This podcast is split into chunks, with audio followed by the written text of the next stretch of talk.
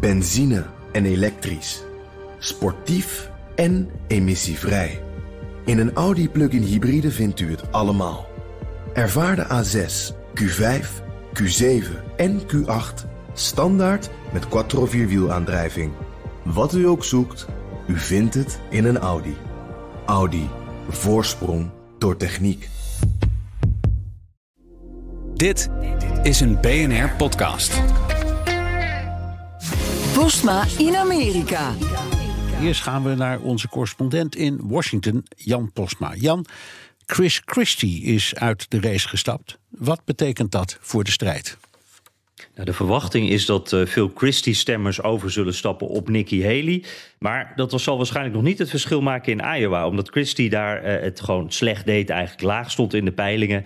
Uh, dus zullen zijn stemmers niet ineens iemand een enorme boost geven... of de boel enorm opschudden in Iowa. de situatie in Iowa, hè, eigenlijk al de hele tijd hetzelfde. Trump op grote voorsprong, op meer dan 50 procent. Echt overmacht. Met daarna de DeSantis en Haley een beetje gelijk op in de peilingen. En Haley lijkt ja, het lijkt wat dat momentum te hebben. Terwijl de, de een beetje aan het stagneren uh, lijkt. Maar uh, Iowa natuurlijk berucht om onvoorspelbaarheid door dat caucus-systeem. Dus altijd voorzichtig. En als je al een heel klein beetje verder kijkt, dat wordt hier al veel gedaan, naar New Hampshire. die primary die een weekje na Iowa komt. Daar staat Haley uh, veel dichter bij Trump. Uh, 10 tot 15 punten verschil. En daar had Christie zo'n 10% van de stemmen. Dus als nou het grootste deel van die Christie-stemmers naar Haley gaat, komt ze serieus dicht bij Trump, dan zou het daar echt spannend worden. Ja. Maar ja, goed, dan moet het nog wel even gebeuren. Moet even gebeuren, ja. Christie gaat er altijd pad op dat hij eerlijk is. Voordat hij zijn campagne opschortte, zei hij nog even per ongeluk wat hij echt van Nikki Haley vindt. Ja, dit was een uh, klassiek hot mic momentje. De, de microfoon stond aan. Dit was dus voor die aankondiging, die grote aankondiging. hey, ik stop ermee.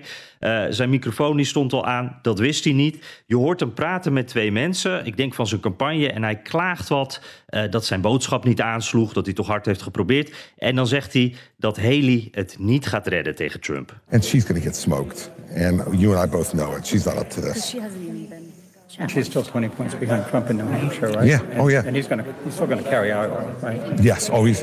I t- you know, I talked to De- DeSantis called me, petrified that I would. He's probably getting out after Iowa. Well, he, Ja, en toen hield de livestream uh, heel plotseling op. Je hoort nog hoe, hoe DeSantis uh, Christie nog in paniek heeft gebeld. Uh, waarschijnlijk om te zeggen, ja, blijf in die race. Want voor DeSantis is dit natuurlijk slecht nieuws... dat Haley nu er wat stemmen bij gaat krijgen. maar het belangrijkste, Christie gelooft dus niet dat Haley het gaat redden.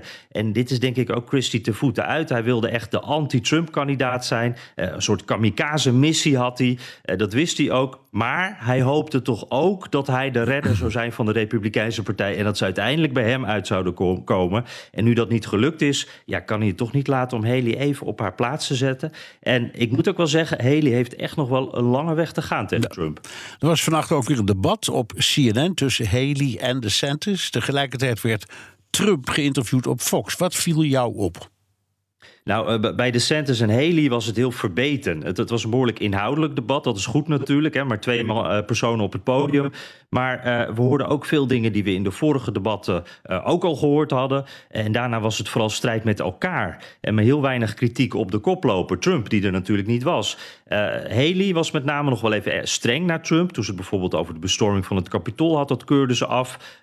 maar al met al voelde dit weer meer als een voorprogramma zonder de hoofdact. En die hoofdact, uh, ja, die had ondertussen een hele gezellige avond bij Trump. Er werd veel gelachen, het was ontspannen. Uh, en hij zei nog even heel sli slim iets uh, waar alle media wel op moesten reageren. Hij vertelde dat hij al weet wie zijn running mate wordt. Who would be in the running for vice president? Well, I can't tell you that really. I mean, I know who it's going to be. Give us a hint. I'll give you. We'll do another show sometime. Well, what about any of the people who you've run against? Would you be open to mending fences with oh, any sure, of them? I will. I will. I've already started like Christie better. Uh, Ja, hij vindt uh, Christie nu al een stuk leuker nu hij het heeft opgegeven. Maar uh, zei hij later nog, het wordt Christie niet hoor. Dat zag hij toch echt niet voor zich. Maar slim dit hè, want hij gooit dit even, dit brokje, gooit hij even naar de media. hij le levert geen naam. alleen dat hij het al weet. hij, het maakt ook helemaal niet uit. Hij kan nog honderd keer van gedachten veranderen. Misschien weet hij het nog helemaal niet. allemaal niet relevant nu. het prikkelt en iedereen denkt toch van, nou wie zou het dan zijn? En dan begint het speculeren. En zo heeft Trump met zijn strategie van debat ontwijken deze campagne toch steeds de aandacht bij hem gehouden. Uh, aanvallen eigenlijk een soort van preventief afgeslagen op die manier. Ik, denk echt dat dat heeft gewerkt. Ja, het gaat goed met Haley in de peilingen, niettemin. Beter dan we hadden gedacht, laten we het zo zeggen. Maar ze had ook een paar ja. uitglijders.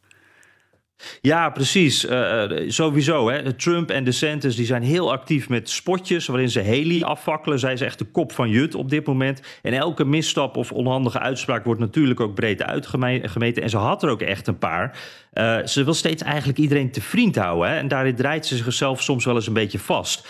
In New Hampshire bijvoorbeeld, die volgende uh, primary staat... probeerden ze de inwoners daar een beetje te paaien... door te zeggen van, hé, hey, New Hampshire gaat straks wel met, met, je, met, met hun stemmen. New Hampshire gaat eigenlijk wat Iowa doet corrigeren. Uh, en ja, toen kwam ze daarna terug in Iowa natuurlijk voor campagne. En toen werd ze daar natuurlijk ook naar gevraagd. But you said about the primary process that while Iowa goes first, New Hampshire, quote, corrects it. oh my gosh.